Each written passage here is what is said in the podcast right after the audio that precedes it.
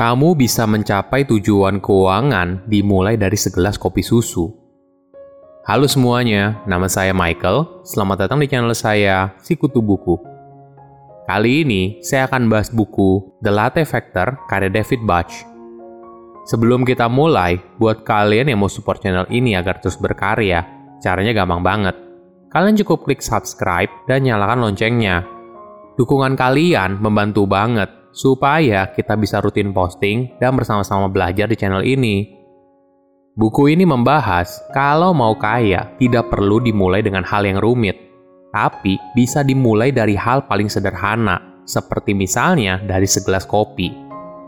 Dengan menghemat segelas kopi susu yang biasa kita beli setiap hari, maka kamu tidak akan pernah terlambat untuk memulai kebebasan keuangan. Kebanyakan orang berpikir kalau untuk punya banyak uang, maka butuh penghasilan yang lebih besar. Tentu saja ada korelasi antara penghasilan dan kekayaan.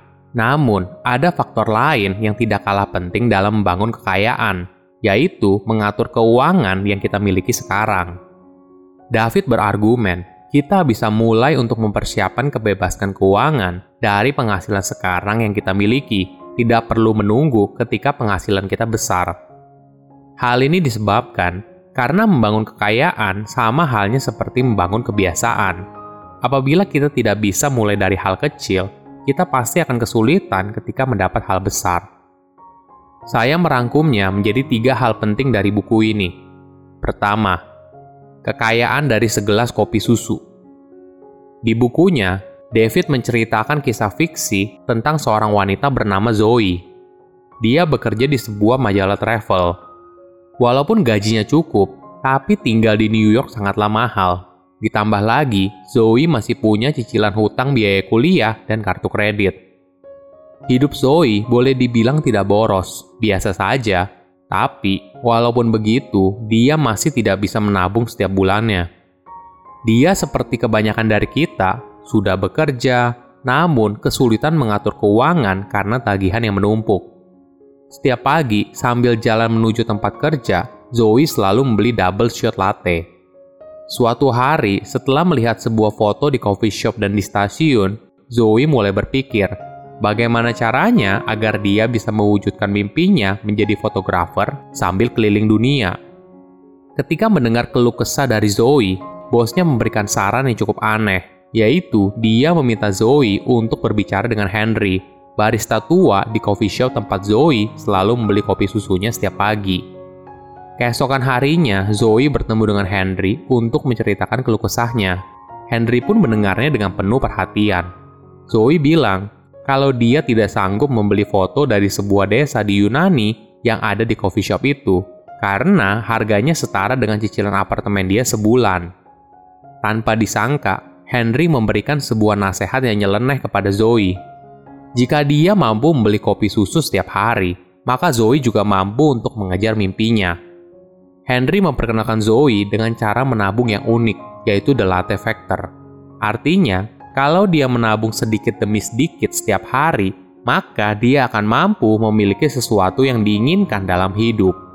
Tapi setelah menjalani nasihat Henry, pelan-pelan hidup Zoe berubah. Apakah ini artinya kita tidak boleh menikmati hidup? Tentu saja tidak. Hidup memang harus dinikmati dan dijalani. Tapi, apabila kondisi kamu saat ini saja sangat sulit untuk mengatur keuangan, apakah kamu tidak mau berkorban sedikit untuk masa depan yang lebih baik?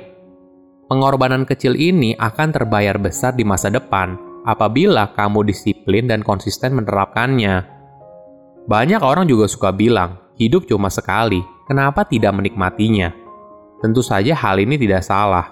Tapi, seberapa sering kita dengar orang yang bilang gini, hidup hanya sekali, saya harus baca banyak buku agar punya banyak ilmu.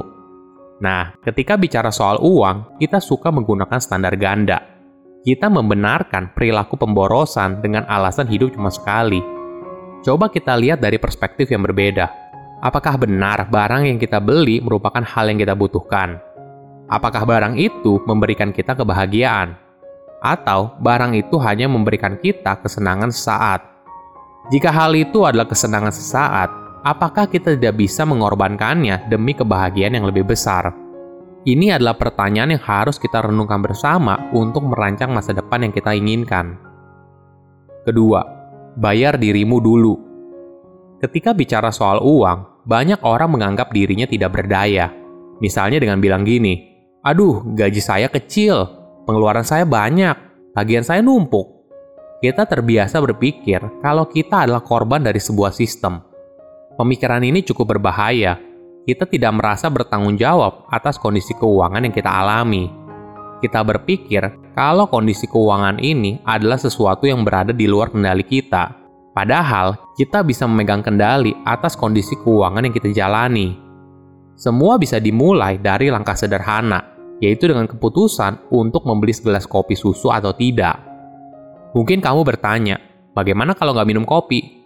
The Latte Factor bukan hanya soal membeli segelas kopi, tapi bisa juga ke area lain, misalnya membawa bekal makan siang daripada makan di luar, atau mengurangi makan di restoran saat weekend, dan sebagainya. Intinya, kita bisa menghemat pengeluaran kecil di area lain dalam hidup kita.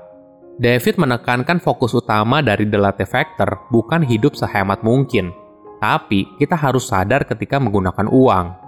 Cara sederhananya yaitu dengan membayar dirimu duluan. Apa maksudnya?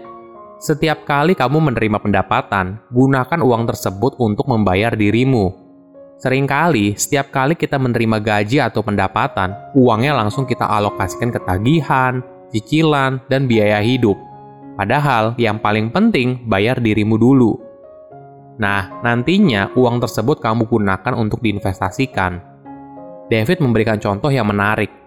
Jika salah satu muridnya mengeluh kalau dia tidak bisa menabung tapi bisa beli kopi susu, David menunjukkan betapa berharganya 5 dolar jika muridnya tidak membeli segelas kopi susu. 5 dolar sehari akan menjadi 150 dolar dalam sebulan.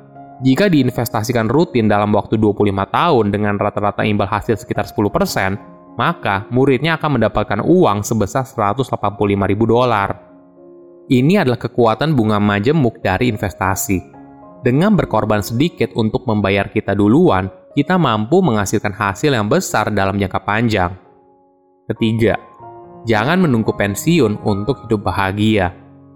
Kembali ke cerita Zoe, ketika dia sudah menyadari pentingnya harga sebuah kopi susu, Zoe masih penasaran, apakah ada nasihat keuangan lagi dari Henry. Henry pun bertanya, hal apa yang penting bagi Zoe? Bukan di masa depan, tapi saat ini.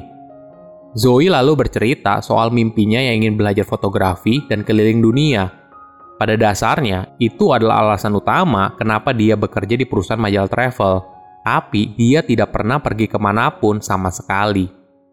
Henry pun menyarankan Zoe untuk membuka tabungan mimpi atau dream account. Nantinya, Zoe harus menyisikan uangnya ke dalam dream account agar mampu mewujudkan mimpinya. Dream account pertamanya yaitu untuk kursus fotografi. Zoe butuh waktu 6 bulan menyisikan uang kopi susunya untuk membayar biaya kursus fotografi. Mimpi pertama Zoe pun berhasil. Namun, ada mimpi yang lebih besar lagi, yaitu pergi keliling dunia. Akhirnya, Zoe bilang sama bosnya kalau dia ingin setahun sekali diberikan kesempatan remote working agar dia bisa bekerja jarak jauh. Bosnya pun setuju. Tiga tahun setelah Zoe menjalankan ini, Ternyata foto yang dia ambil ketika berpergian ke luar negeri ditayangkan di majalah tempat dia bekerja. Semua mimpi Zoe ternyata bisa diwujudkan dari segelas kopi susu.